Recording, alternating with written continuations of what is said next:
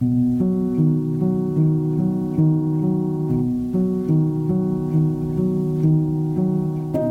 Houten Jas, podcast voor professionals in uitvaartland. Een podcast van de Aprella Vie Academie, presentatie en gespreksleiding Aartmak.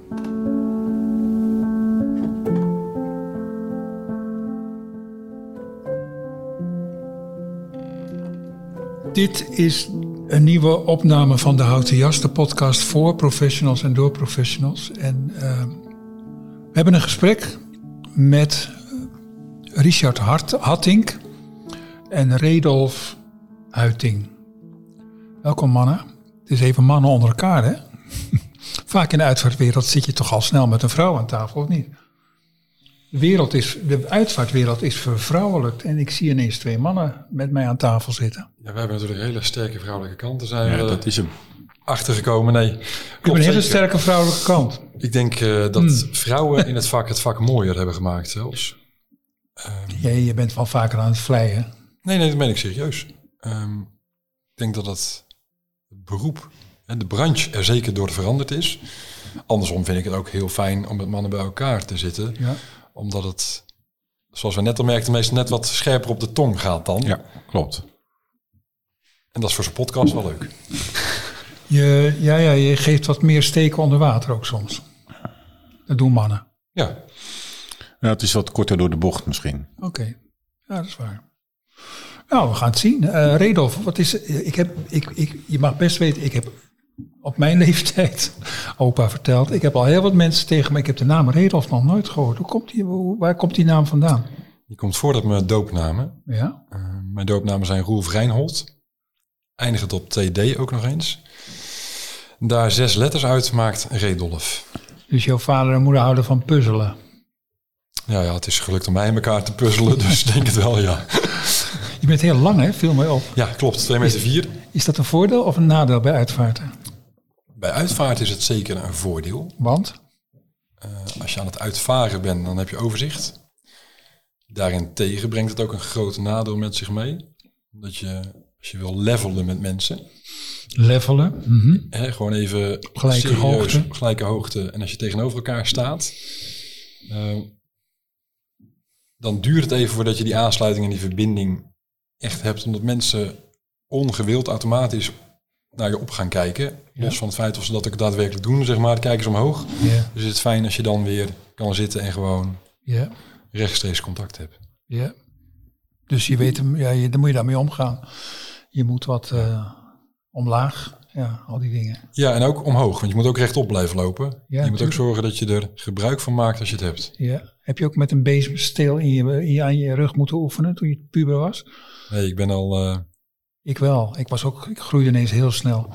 ik ben al 30 jaar muzikant, dus ik Muzikant? marcheer al 30 jaar. Wat doe je dan? Dus dat, eh, ik ben eh, bassist, tenminste bas tuba noemen ze dan. In een fanfare, Ja, een showband. showband. Ja. Dat is hobby, Ja, maar wel heel leuk, denk ik. ja, een hele grote hobby ook. Eh, en een hele leuke hobby. Dus nee, dat rechtop lopen, dat eh, Maar dat, ga je dan, dat hou je erin, hè? Dat moet wel. gaat er niet meer uit. Richard, je hebt een naam die wat vaker, eh, eh, dat is een oude naam ook, hè? Engelse naam ook. Klopt. Ja. Ja. Ehm, laat ik gelijk met de deur in huis vallen, Richard. Wat mij direct fascineerde bij jou toen ik meer las over je, is dat jij eh, een, een man uit het onderwijs bent.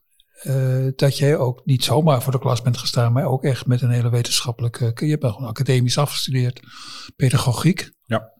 En ehm, jij combineert het, het, eh, jij combineert het eh, je, je capaciteiten, je talent voor, voor lesgeven, voor pedagogiek, met de uitvaartwereld. Hoe, zit dat? Hoe zit dat? Ja, eigenlijk heel eenvoudig. Ehm, ik ben eh, bijna 25 jaar geleden het vak ingerold. Eh, toen ik de pedagogische academie deed, was de uitvaart mijn bijbaan. En mijn destijdse werkgever zei, jij doet iets pedagogisch. Kun je ervoor zorgen dat kinderen hier minder hard huilend naar buiten lopen dan dat ze naar binnen zijn gelopen? Op een uitvaart. eh, op een uitvaart of in het uitvaartcentrum. En daar is een zoektocht ontstaan eh, die eigenlijk mijn hele professionele leven door eh, zich aan het ontwikkelen is. En met gretigheid, als ik, je- als ik je zo... Ja, dit is wel mijn levensmissie. Ja, dat, dat is een groot woord, maar dat is het. Hè? Ja, dit is het. Ehm, Rotterdam is jouw werkgebied met, eh, en in de ruime zin van het woord, hè? Nee, ik kom van origine uit, de- uit regio Rotterdam. Ja. Ehm, ik woon al een enkel jaar in, eh, in Castricum bij Alkmaar. Oké, ja. Eh, en mijn werkgebied is heel flauw eh, binnen de Nederlandse landsgrenzen. Vanwege het specialisme werk ik door het hele land heen. Jij wordt door mensen als, als eh eh, Redolf gebeld. Nee, eh, ja. Eh, ja, ik word door, door andere ondernemers gebeld, maar ik word ook heel veel eh, rechtstreeks door families gebeld. Ik word door, ehm, ik zou bijna willen zeggen toeleveranciers, maar Wat Eh, bedoel je met daar, daarmee? inloophuizen, oncologische centra, universitaire ziekenhuizen, ingevlogen om, om expertise te delen. En daar vandaan volgt ook het stukje uitvaart. Ik stel me voor dat jij concreet ook uitvaarten doet. Klopt. Eh, en daarnaast dus eh, heel veel be- beschikbaar bent eh, voor informatie, voor mensen die met kinderen werken. Ja. Ja, dat zeg je inderdaad, inderdaad correct. kinderafdelingen van een ziekenhuis. Ja. Ehm, onderwijs natuurlijk ook. Onderwijs. Een jongetje of een ehm, meisje van een klas is, of een groep. Zeker, maar bijvoorbeeld ook eh, ehm, politie, jeugdartsen. eh, die worden allemaal, nou ja, op een Ja. moment, op, op een bepaalde manier geconfronteerd met. Ja. Die mag ik eh, eh, trainen en, en wijzer Ja. maken. En bij families is het heel simpel. vanaf het moment dat je weet dat je palliatief bent, gaan we het hebben over het laatste stuk van je leven en daarna. En gaan we het ook weer hebben over het opbouwen van het gezin waar dat, dat gat in is gevallen. Wat een werk, man. Maar het, het, het, het past je. Ja, eh, eh, ik vind het heel leuk. Ja. Geef je die lezingen ook binnen de uitvaartbranche? Even- Ja. ja, zegt hij. Ja, Oké. Redolf, ik, eh, het is goed dat je wat zegt, want ik wou, ik wou want het, het- ik, ik, ik, ik ga wel naar jou toe, maar we blijven bij hetzelfde. Ik las op jouw website dat jij eh, op jonge leeftijd, eh, je vader, je vader was nog, jij was nog jong hè, toen je vader overleed. Ja, 13 jaar. Ja, dat ben je jong. En jouw zus is ook vroeg overleden of Ja, niet? toen ik 16 was. Ja. Dus dat zijn twee ingrijpende gebeurtenissen op jonge leeftijd, puberteit. Zeker, ja. Gaat het bij jou alleen om kinderen of ook pubers? ik weet niet of dat de leeftijd nou maakt dat je een kind bent. Net zoals dat ik niet weet of dat de leeftijd maakt of dat je een oude man bent of niet. Dus mijn, mijn hoofdexpertise ligt op basisschoolleeftijd. Maar dat betekent zeker niet dat het niet ook voor pubers kan. Mooi wat je zegt trouwens. Hey, en wat, wat, Redolf, wat herinner jij van toen jouw vader overleed? Hoe was dat? Wat, wat zijn jouw herinneringen eraan? En in welke context nou ja, dat je was dertien. eh, was het één grote verslagenheid? Was het plotseling trouwens dat je vader overleed? Eh, ja, eh, nou ja, wat is... plo- eh, nee, even even in, in deze context, Ja, hè, wel, even voor, voor het idee, zeg maar, wat gebeurt er als kind? Of hoe kijk je naar de uitvaart? Of wat gebeurde er? Dat zijn, denk ik, hier aan tafel drie vragen die dan tegelijkertijd spelen. Als ik kijk als kind, wat gebeurde er? Eh, toen was ik 13. Dus mijn held overleed. eh, in drie kwart jaar tijd. Eh, kanker, uitgezaaid, lymfeklierkanker. Ehm daar was, je, was ik niet op voorbereid als kind. Eh, mijn vader was wel uitvaartverzorger, dus ik weet wat de dood is. Wist ik als kind al. Tenminste, alleen hoe daarmee om te gaan. Zeer zeker niet met die emoties. Ehm, hoe kijk je daarop terug? Eh, als je het dan hebt over eh, emoties en kinderen bij uitvaarten. Ehm, slecht, denk ik. Ja. Omdat, ja, we praten over het jaar 99. Nou is dat voor u waarschijnlijk niet heel lang geleden, maar voor mij natuurlijk wel even in die abstractie. Zeg ik dan, ehm, toen wisten we überhaupt niet wat we met kinderen nog bij uitvaarten moesten. Ehm, Het is precies trouwens het jaar waarin jij Het start. is inderdaad het jaar waar, dat ik, eh, waar ik startte. Ja, klopt. Even tussendoor, ja. Ehm, en ik denk dat daarna, eh, wat volgens mij is een, is een eh, en dat, ik wil het niet plat slaan hoor, maar eh, als kind zeg maar gebeurt er in die tijd een heleboel. Eh, iemand overlijdt, eh, wel of niet, eh, wel of niet verwacht. Eh, die week wordt ook nog wel geleefd en dan probeert iedereen te goed en te trouw zeg maar een pleister op de wonden te Ja, gaan dan plakken. heb je daarna nog drie weken die steun om je heen. Ja. En dan? En dan ben je klaar. Ja. En volgens mij probeert iedereen thuis dan eh, het beste te doen voor wat mogelijk is. Alleen is er altijd iemand En of dat nou hè, twee moeders, twee vaders, de vader en de moeder of wat dan ook zijn. Of probeer twee petten op te doen. Ja. En die minimaal twee rollen te gaan vervullen. En iedereen die daar omheen zit, probeert denk ik een andere rol daarin te gaan vervullen. Uh, dus ik denk dat als de vraag is, uh, volgens mij is het het beste dat daar in ieder geval begeleiding en steun bij is en komt en uitleg over is. Maar die was er niet. In mijn geval niet, nee. Ook niet van de gemeenschap waar je bij hoorde? Ja, zeker wel. Alleen familieverband. De, de vraag is ook, als het er is, heb je er oog voor.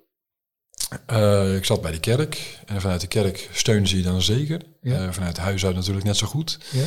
Alleen wil je dat zien als tiener. Ja. En uh, ja. Ja, en sluit dat wat dat die volwassenen tegen je zeggen aan op dat wat dat jouw ervaring en jouw levenspad op dat moment is. Ja, en volgens mij stort je wereld in, je droomwereld tot in. Ja. En ik had een redelijk gekaderde opvoeding, noemen we dat dan tegenwoordig. Want hard mag je niet meer zeggen natuurlijk. Uh, in de zin van, hè, mijn vader was ook weer ex-militair, ik ben zelf ex-militair. Uh, dus het is allemaal wel redelijk rechtlijnig, laat ik het dan maar zo noemen. En dat als dat wegvalt binnen een huishouden, uh, dan valt er als kind heel veel. Dan zeg eigenlijk maar weer even die, die bezem. Ja. Die bezemsteel in je rug valt eigenlijk weg.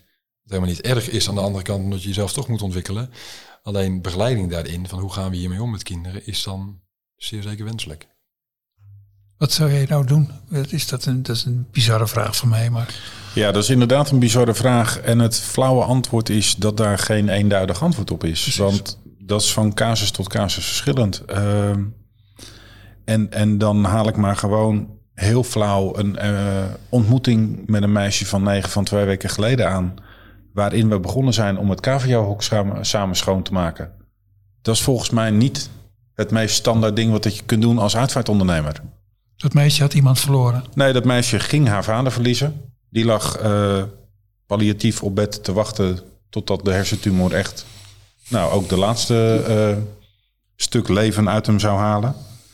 Uh, dus ik had contact met die moeder. Ja, wij hebben jou nodig. Ehm, dus ik ging daar kennis maken. En de kennismaking was onder andere het cavia-hok schoonmaken. Want daarin kunnen we op een manier levelen die aan tafel nooit gaat lukken. En dat lukt ook? Ja, dat lukt, want ik weet best wel wat van doodgaan, maar ik weet niks van cavia's. Daar kon ze jou alles over Dus vertellen. zij kon mij alles vertellen over cavia's en hoe dat die beesten heten en waar dat ze dan verzorgd moeten en hoeveel zaagsel dat er in dat hok moet en weet ik veel allemaal dat, wat. Dat bedoel je dus met levelen? Ja, ik, ik zeg met enige regelmaat, ik ben de expert. Ik weet hier helemaal niets van. Ik weet hoe dat het in theorie werkt. Ja. Ik weet hoe dat het in boekjes werkt. Maar hoe het voor dit kind in deze situatie is, dat moeten we nog gaan ontdekken. En daar weet dat kind veel beter van hoe dat het is dan dat ik dat weet. Want die kent zichzelf al 9, 10, 11 jaar. Is die vader inmiddels overleden? Ja, vader is inmiddels overleden uh, en gecremeerd. Uh, dat gebeurde binnen 24 uur na kennismaken. Dus dat betekent ook het een en ander. Ook voor de band die je met dat kind op, opbouwt. Uh, maar daarin, nou, kijk ik onder andere terug op, op het moment van de dag van uitvaart... waarin wij uit die uh, familierouwauto stappen. En uh, voordat we de aula in, ingaan eerst een foto gemaakt moet worden waarin we allebei onze nette kleren aan hebben, maar wel onze tong uitsteken en ezelsoren bij elkaar achter, achter het hoofd maken, want anders kunnen we niet gaan beginnen. En het is een heel klein flauw ding, nee, is niet flauw. maar het maakt wel dat die ontzettend stomme ervaring die het is, dat daar ook een aantal mooie momentjes aan vastgeplakt worden. Ja. Maar dat heb jij wel. Richard, een groot talent om, om je snel te verbinden met, met zo iemand, zo'n zo meisje. Ik weet niet of dat het een talent is. Ik denk dat heel veel mensen ertoe in staat zijn. Ik denk alleen dat de meeste mensen vergeten om uh, hun oren in dezelfde frequentie te gebruiken als die ze aan hun hoofd zitten. Uh, namelijk, namelijk twee keer zo vaak als je mond. Ja, luisteren bedoel je? Eerst twee keer luisteren, dan één keer praten. Klinkt alsof dat een van jouw motto's is. Ja, absoluut. Absoluut. En, en het is een van de dingen die ik inderdaad ook in iedere training opnieuw terug laat komen. Want laat je nou eerst eens vertellen, uh, wie is die vader dan voor dat kind? Ja. Uh, want misschien is het wel de meest vreselijke man en is het heel fijn dat hij Ja. doodgaat. Je hoorde Redolf net zeggen, het was mijn held. joh. Ja, dat maakt wel echt verschil. Dat maakt wel echt verschil. Dus op het moment dat, hoe oud was je? 13. 13. 13, dat dat 13-jarige jongetje vertelt: Dit is mijn held. Wil ik toch weten, wat maakt hem dan je held? Is, zijn dat toch de woorden die in een vervolggesprek. kan mij het schelen waar desnoods voetballend, ook al heb ik daar echt een hekel aan. Ehm, Nee, maar je zoekt een plek of een ik zoek omgeving. een plek, ik zoek een omgeving en ik zoek vooral de woorden die gegeven worden door de expert. Namelijk degene die het op dat moment meemaakt. Ik, ik denk zomaar, Redolf, dat jij in jouw vak toch ook hier nogal eens, niet altijd, maar zo nu en dan wel mee te maken hebt met kinderen, met jongeren. Zeker. Ik heb. Ik ga de vraag voortbeduren en daarom Ja, vind ik het zo knap dat, eh, dat je het doet, Ries. Want ik had, ik had onlangs een uitvaart en ik had daar twee jonge meiden bij. En ik heb zelf twee kinderen. En toen, ik ging door mijn knieën aan het graf en toen was ik klaar met praten. Ik had geweldig contact ook met die meisjes, want je doet... Dus ik probeer het te zien in het ogen van een kind ook Ja. echt. Alleen andersom merk ik ook dat het me emotioneel kapot maakt. Dus ik ging door mijn knieën bij het graf en toen was ik klaar ook gewoon. Ik probeerde nog iets uit te spreken en zelfs dat lukte niet Ja. meer, want er ging alleen maar tranen over mijn wangen.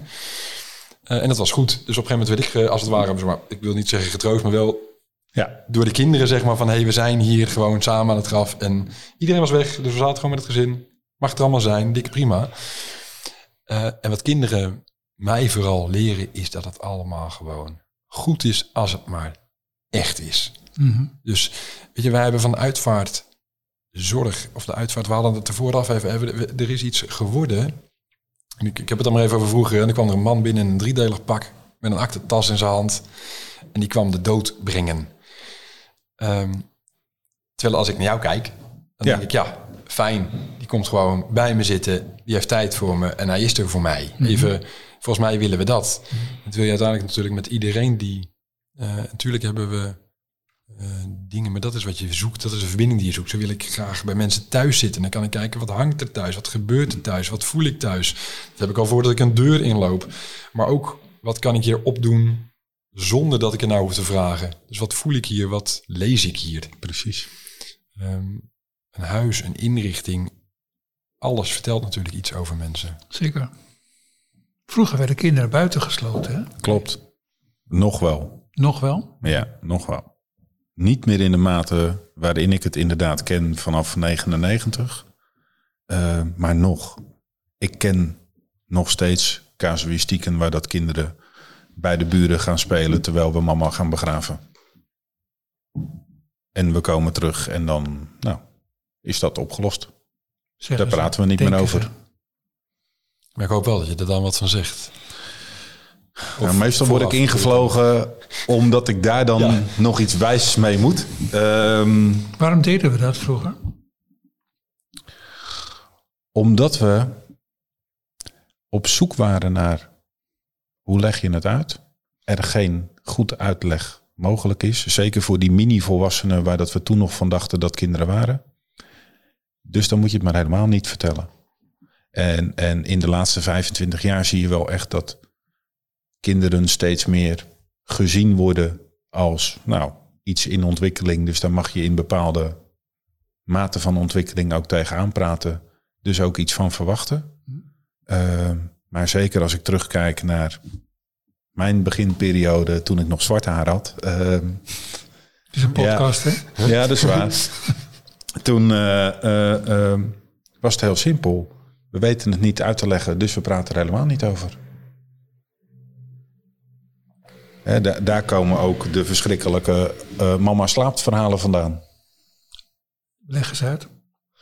Nou, ik weet echt als de dag van gisteren dat ik, dat ik echt in week één of twee uh, een familie leerde kennen. Die dus inderdaad zeiden, ja, mama slaapt. Uh, en we kennen allemaal het voorbeeld, mama slaapt. Dus uh, s'avonds wil dat kind niet naar bed.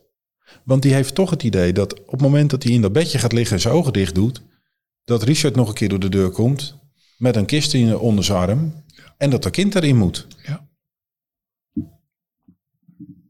En, en dat soort hele mooie dingen waarin volwassenen proberen ehm, de dood wat vriendelijker te maken, daar maak je het juist zoveel ruwer mee, omdat je vergeet dat kinderen dit soort dingen nou, eh, letterlijk nemen en dat wat dat ze niet begrijpen niet uitgelegd krijgen met hun fantasie aanvullen. En die fantasie is altijd grover dan de werkelijkheid. Dus wees exact en precies. Ja, wees exact. Zoals het is. Ja, wees exact. Dat wist je al, hè, Redolf? Ja, nee, ja, ik, eh, ik denk ook voornamelijk dat volwassenen het doen om hun eigen denkbeeld wat zachter te maken. Prachtig wat je het zegt. Ja, mooi. Ja, dat is voornamelijk hoe wij met zijn kinderen... zichzelf eigenlijk in gesprek. Ja, hoe wij met kind, tenminste vaak met kinderen om proberen te gaan. Hè? Alles klein maken, lief maken, anders maken. Just let it be. Laat het er gewoon zijn. Ja. En een kind, eh, tenminste, ik weet niet of het goed is, maar dat peil ik dan gelijk. En, eh, Ja, ik, kijk, kijk adviseer, maar naar je overbeelden. ik, ik adviseer altijd van, laat een kind maar gewoon zelf bepalen wat hij wil. Alsjeblieft. En als hij niet wil, prima, doen we het niet. En als hij wel wil, wil hij wel. Maar dat, Ja, en, wat en- wij met volwassenen doen, wij hebben daar een status in bereikt. Of Ja. zo denken we. En als we dat moeten, moeten we iets voorstellen of moeten we iets zijn. Terwijl ik vind, als je volwassen bent, ga alsjeblieft terug naar dat kind. Want als je niet wil, of je kan niet, of je hebt het gevoel dat het anders is, laat dat dan in ieder geval de waarheid zijn. absoluut. En, en laat ik daar dan aan toevoegen. Als ik vandaag zeg dat ik niet wil, betekent dat niet dat ik morgen ook niet wil. Dus stel de vraag morgen nog een keer. Ja, ja, ja. Ja, ja. Want het is prima dat je nu zegt, ik wil dat niet. Maar misschien wil ik morgen wel. Ja. En heb ik wel een- opnieuw de uitnodiging nodig om te weten dat ik ook dan nog een keer mag kijken, mag voelen, mag, kan mij het schelen wat dat je dan precies wil. Begint het, begint het gewoner te worden? Dat kinderen erbij horen? Ja, het begint gewoner te worden, gelukkig. Ehm, maar het is nog niet vanzelfsprekend.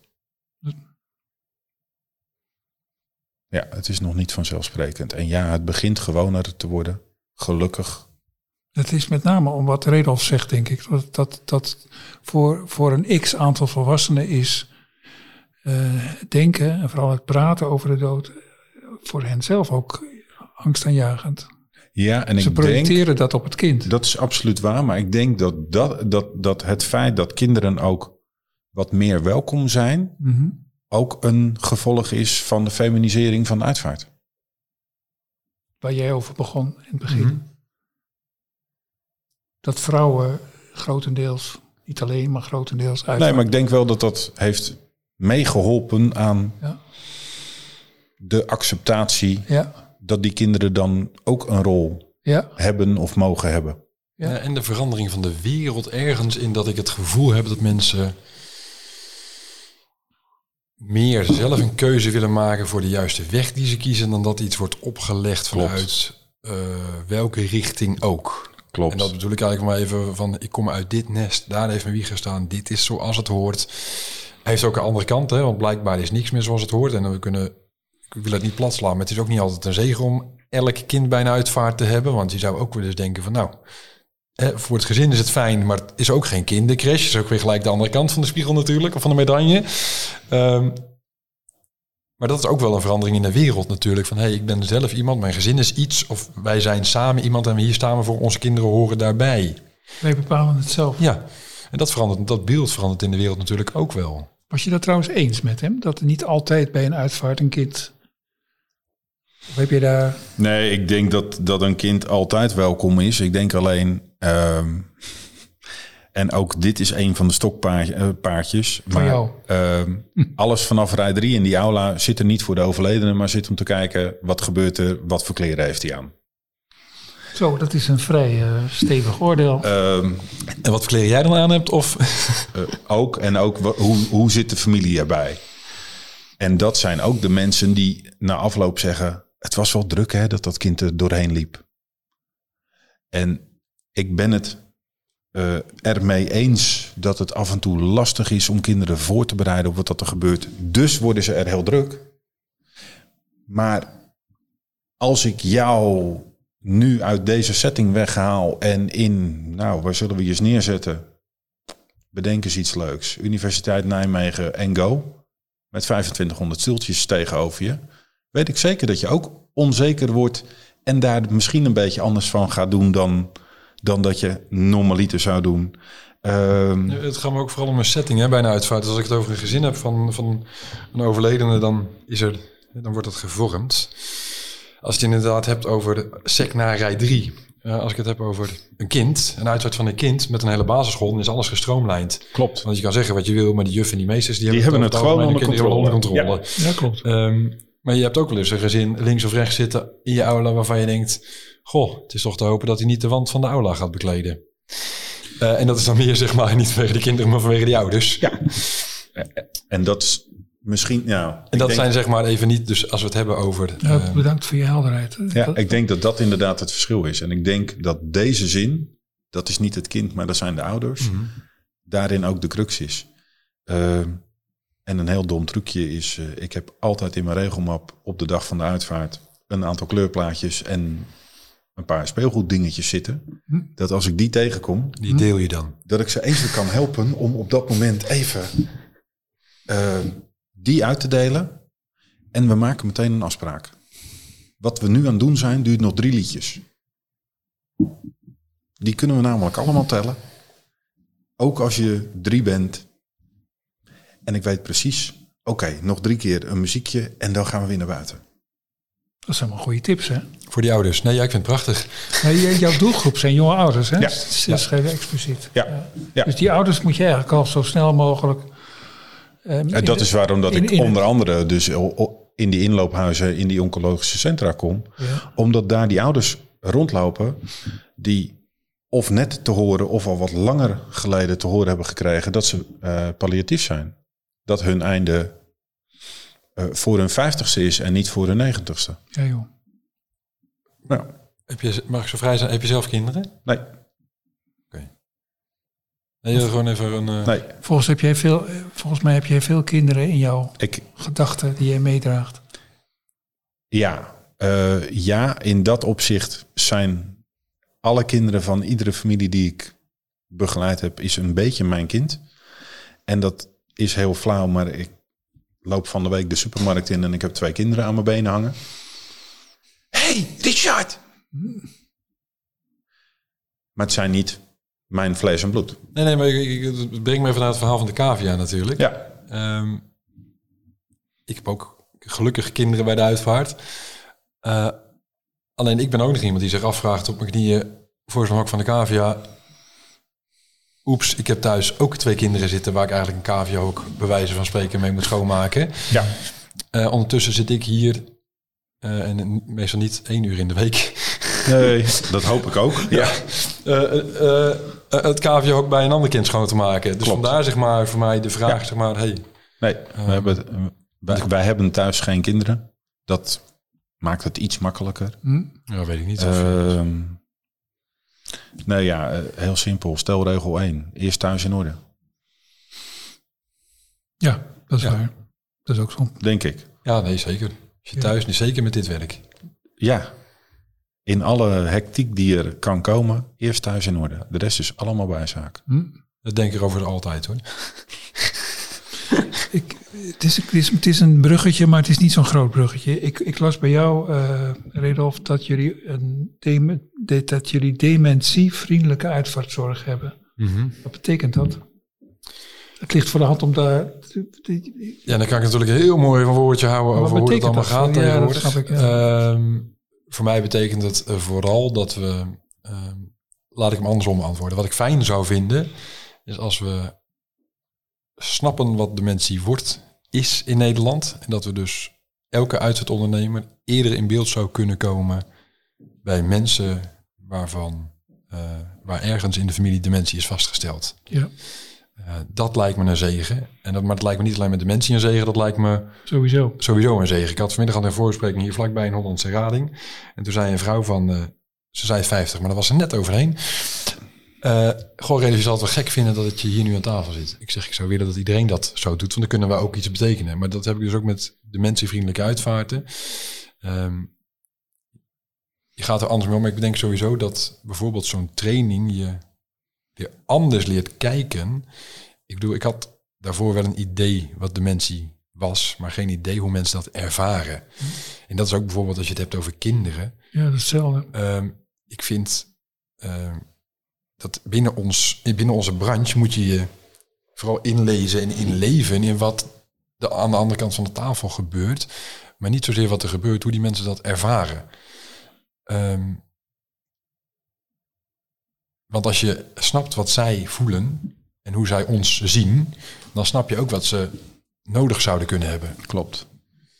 Klopt. en nee, dit is nooit één op één, maar. Even, dit, ben ik het helemaal mee eens. Alleen niet, ehm, dat is waar we, weet je, de uitvaartbranche is vaak, eh, tenminste zo ben ik in de uitvaartbranche opgevoed. Eh, we doen wat we doen, zoals we dat doen. En dit is het bedrijf en eh, nou, en zo weiter. Toen kwamen daar vervolgens allemaal, zijn er dingen veranderd. Moeten we opeens de hele uitvaartbranche veranderen, waarvan ik denk dat het goed is.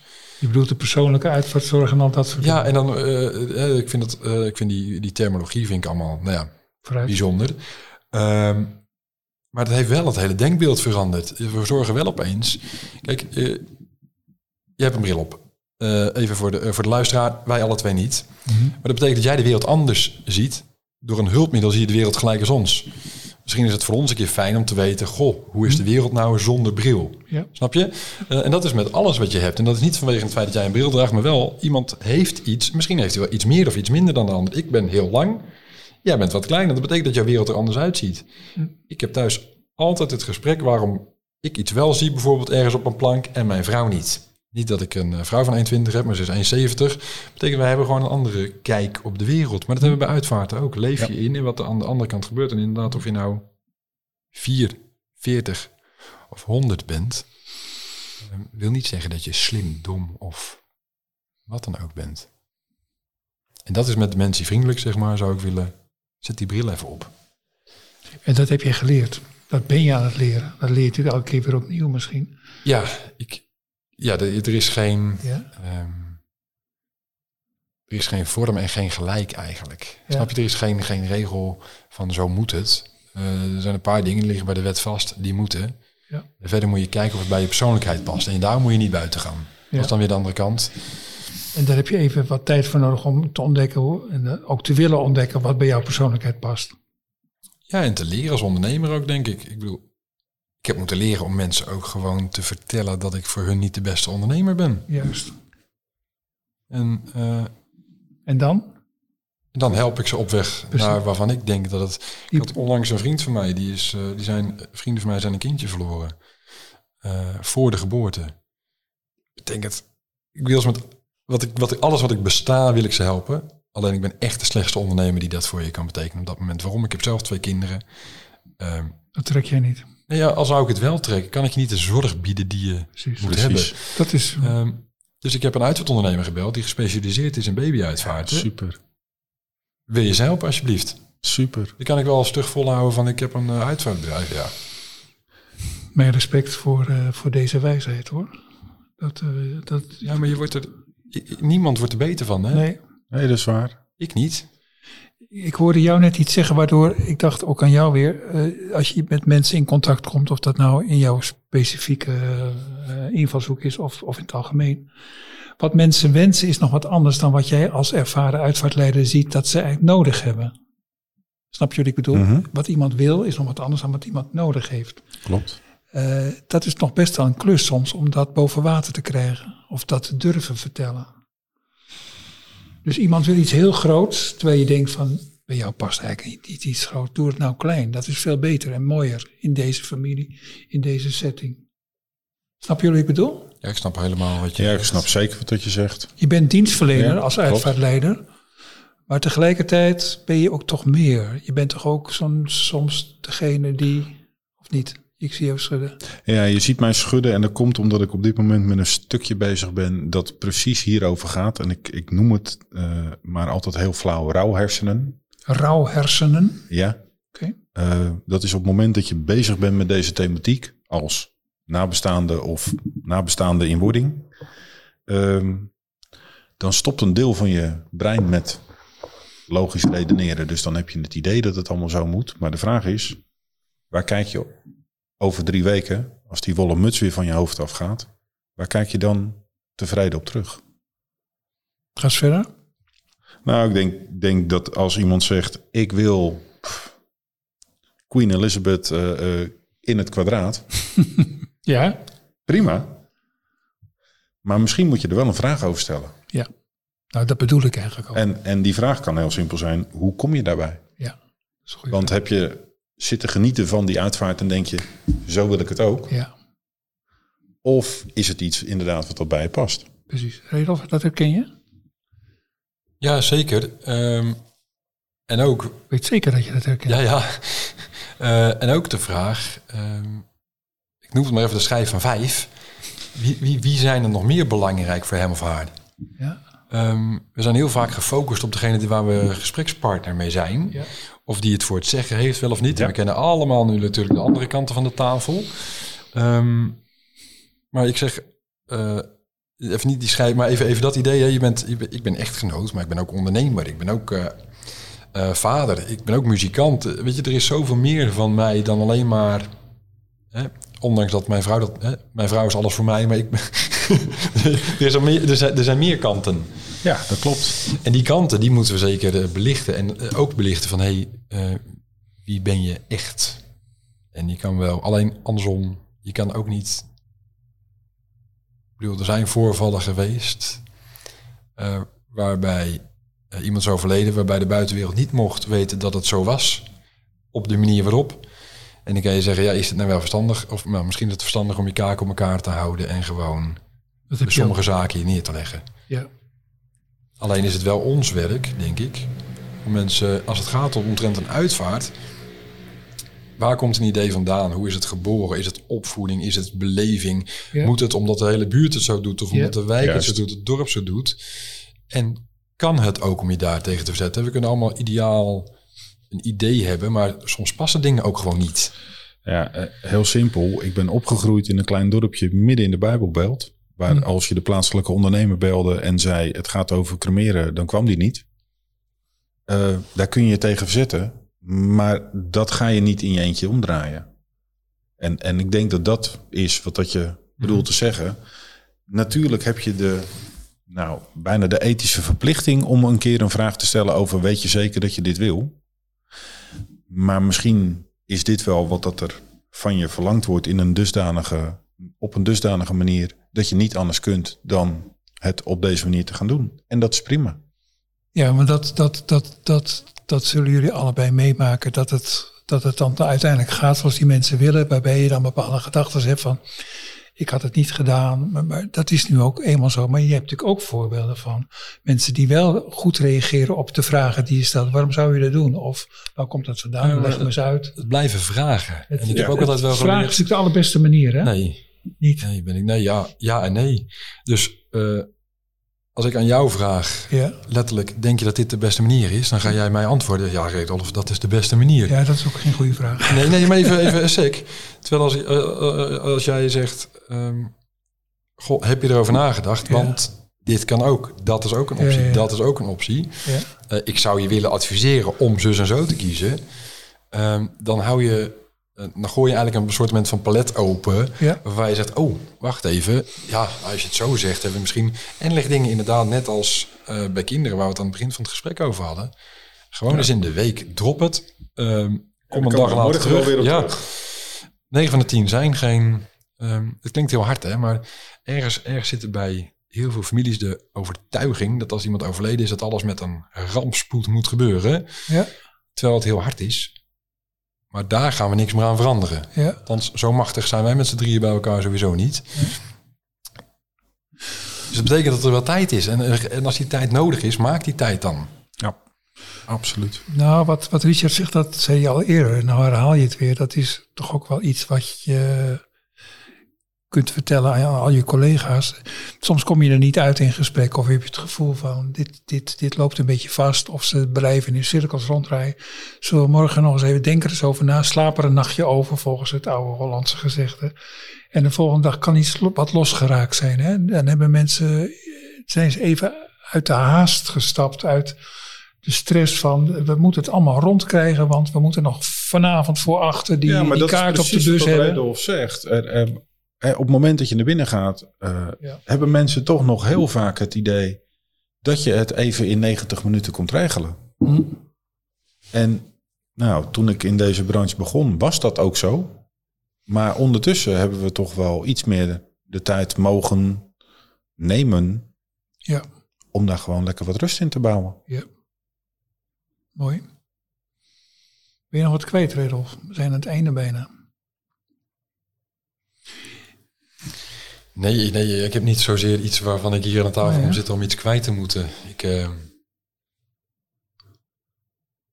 als, als ik het, als ik het uh, zo allemaal bij elkaar pak, um, dan hoop ik dat we met zo'n podcast, daar gaat het me uiteindelijk om natuurlijk, en u waarschijnlijk ook, in die zin dat je mensen beweegt om na te denken, hey, wie ben ik en hoe help ik mensen daadwerkelijk het beste. En ik hoorde je toen straks zeggen, um, wij zijn dienstbaar. Ja. Nee, we hebben een zorgberoep. Zou ik daar dan willen toevoegen. We zijn niet meer dan een zorgende voor degene die ons eh, inhuurt nodig heeft. Um, en dit, het laatste deel van het gesprek gaat natuurlijk ook twee kanten op, even voor mijn beleving. Je moet ook respect hebben voor wie er zit aan de overkant van de tafel. Maar je moet ook zorgen dat je respect blijft houden naar jezelf. Uh, en daar zit een, denk ik, een hele mooie afweging in. Mooi. Oh, uh, dat, dan heb je toch wel even wat gezegd nog. Ja, ja. ja, maar ik denk dat dat wel de kern is. Ja, hè? Ja, absoluut. Als je in de auto stapt, dan kijk je in die achteruitkijkspiegel. Ja. Dan moet het wel kloppen.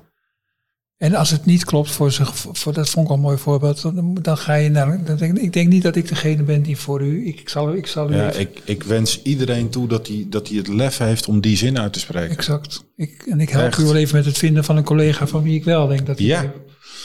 Want dan ben je volgens mij oprecht ja. aan het zorgen dat die familie krijgt waar dat ze het beste mee af zijn. Ja. Ja, maar anders moet je ook gaan, niet in anders moet je ook gaan werken. Precies. Dan wordt het een... een, een en, en dat is waar dat we het in het voorgesprek al heel even over hadden. Uh, ik doe alleen nog maar dingen die ik leuk vind. Dus voor die familie het beste, maar voor mij ook. Ja. Mannen, we hebben elkaar geen steken onder water gegeven. Daarvoor waren we te, te, te, te zeer met, met iets gevoeligs eh, bezig. Uh, kinderen, dementie ook, maar sowieso ook je, je eigen rol als uitvaartleider. En dat luistert toch wel nou, hoe hoe je ik, ik, ik merk aan mezelf, dat zeg ik nu maar even hardop, uh, dat ik het fijn vond om met jullie te praten, maar ook dat ik dacht, ik zou jullie met, met de, ervaring die jullie al hebben en die je nog verder gaat, gaat, gaat opbouwen, ik zou jullie ook wel gunnen aan mensen die beginnen met dit vak. Met jullie wijsheid, met jullie inzicht, want jullie hebben allebei de neiging om, om ook naar jezelf te kijken en om ook te filosoferen. En uh, dus niet alleen het werk te doen, maar ook uh, te kijken naar wie je bent en wat je doet en hoe dat in de loop der tijd misschien ook een beetje verandert en de lessen die je leert onderweg. Dus ik dank jullie ook daarvoor zeer, dat jullie, uh, dat, dat, dat jullie dat aspect, dat belangrijke aspect van een mens die ook wil leren, uh, dat, dat jullie dat hebben gedeeld met, met mij en met uh, de luisteraars. Dus veel dank. Dank. Ja. Jij bedankt, jullie bedankt natuurlijk ook. Ja.